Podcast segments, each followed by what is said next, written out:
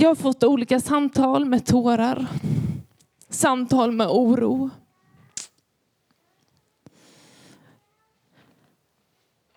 Men det jag har funderat på, eller det som har landat, och nu ska vi faktiskt göra en minnesvers, så jag tänker att vi ställer oss upp allihop. Det jag kommit att tänka på är vad Jesus säger, dels i bergspredikan, när han ger oss våra bud. Och då så går ramsan så här. Då gör man först så här. Matteus 22 och vers 37. Kan ni göra så? Matteus 22 och vers 37. En gång till. Matteus 22 och vers 37.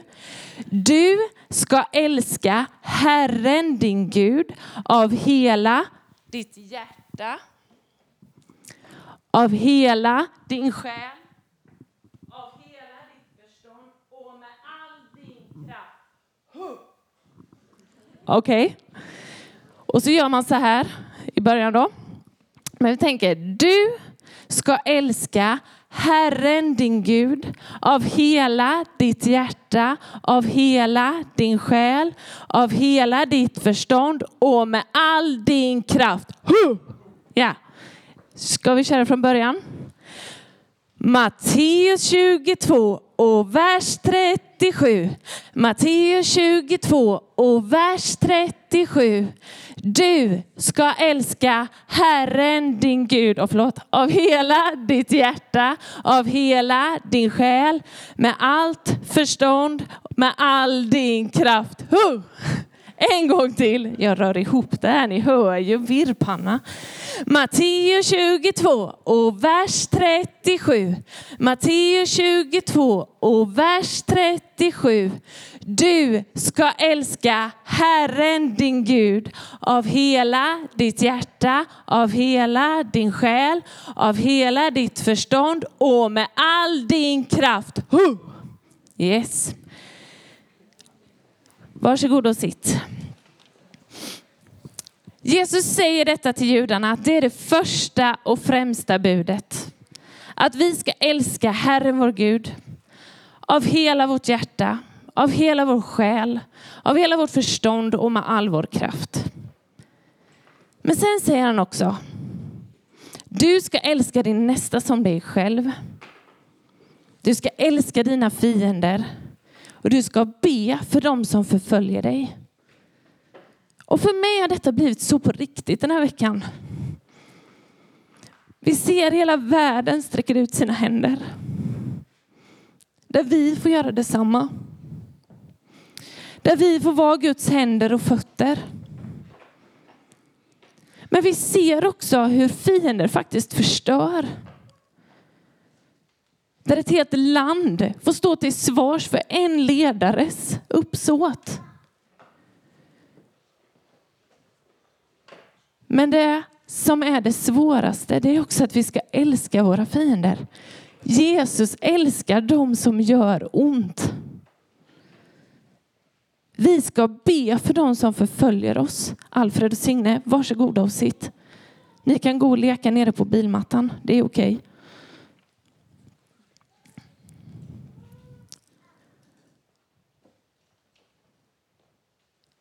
Och det tänker jag är vårt uppdrag nu.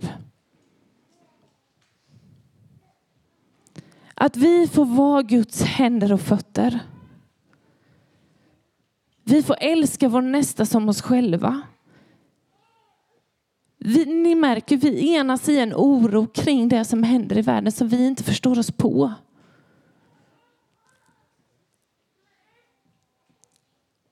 Och det smittar av sig. Vi märker precis som Lena sa, oron finns i alla generationer just nu. Men här får vi träda in och visa på någonting annat. Men vi har en Gud som är med oss. Hans namn är Immanuel. Gud med oss. Gud är med i skyttegravarna, det är jag helt säker på. Han är med i tunnelbanesystemen. Han är med här. Han är i Ryssland. Och där får vi också enas kring den allsmäktige guden och be honom om hjälp. Be för Putin att Jesus ska omvända honom som han omvände Paulus. Paulus förföljde kristna. Han gjorde brutala saker, men Jesus ställde sig mitt i hans väg. Och sa, när Paulus mötte honom så sa han, Herre vem är du? Jag är Jesus den du förföljer. Den guden tillhör vi. Den guden får vi välja att älska med hela vårt hjärta, med hela vår själ, med hela vårt förstånd och med all vår kraft i ord, i handling.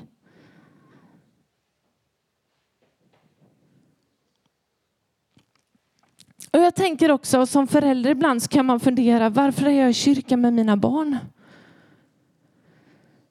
I Sverige har vi det rätt bra. Och man kan tänka att Gud finns till för min skull. Ja, det gör han. Men han finns också till för den här världens skull. Och nej, det är skitsvårt att koncentrera sig när man har barn som klättrar på en. Och man kanske känner att jag kanske inte får ut så mycket. Men spelar det någon roll? För jag visar någonting för mina barn när jag väljer att gå till kyrkan. Oavsett hur mycket de hör eller inte så ger de ändå en rutin av att vi går hit tillsammans. Jag tror att han verkar i den här atmosfären. När barnen får se att vi tillber, att vi ber till Gud, vi ropar till honom om hjälp så gör det någonting med våra barn. De ser att det är viktigt. De ser att det finns någonting mer. De ser att det finns en Gud som kan gripa in när vi själva inte förstår och förmår.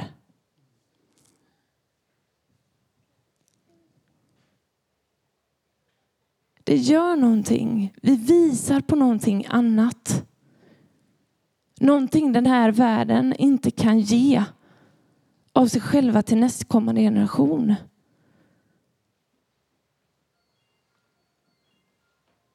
Våra böner gör skillnad.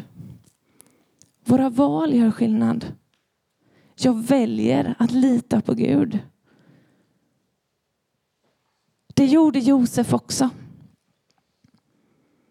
Han valde att lita på att Gud var med honom. Och det var han.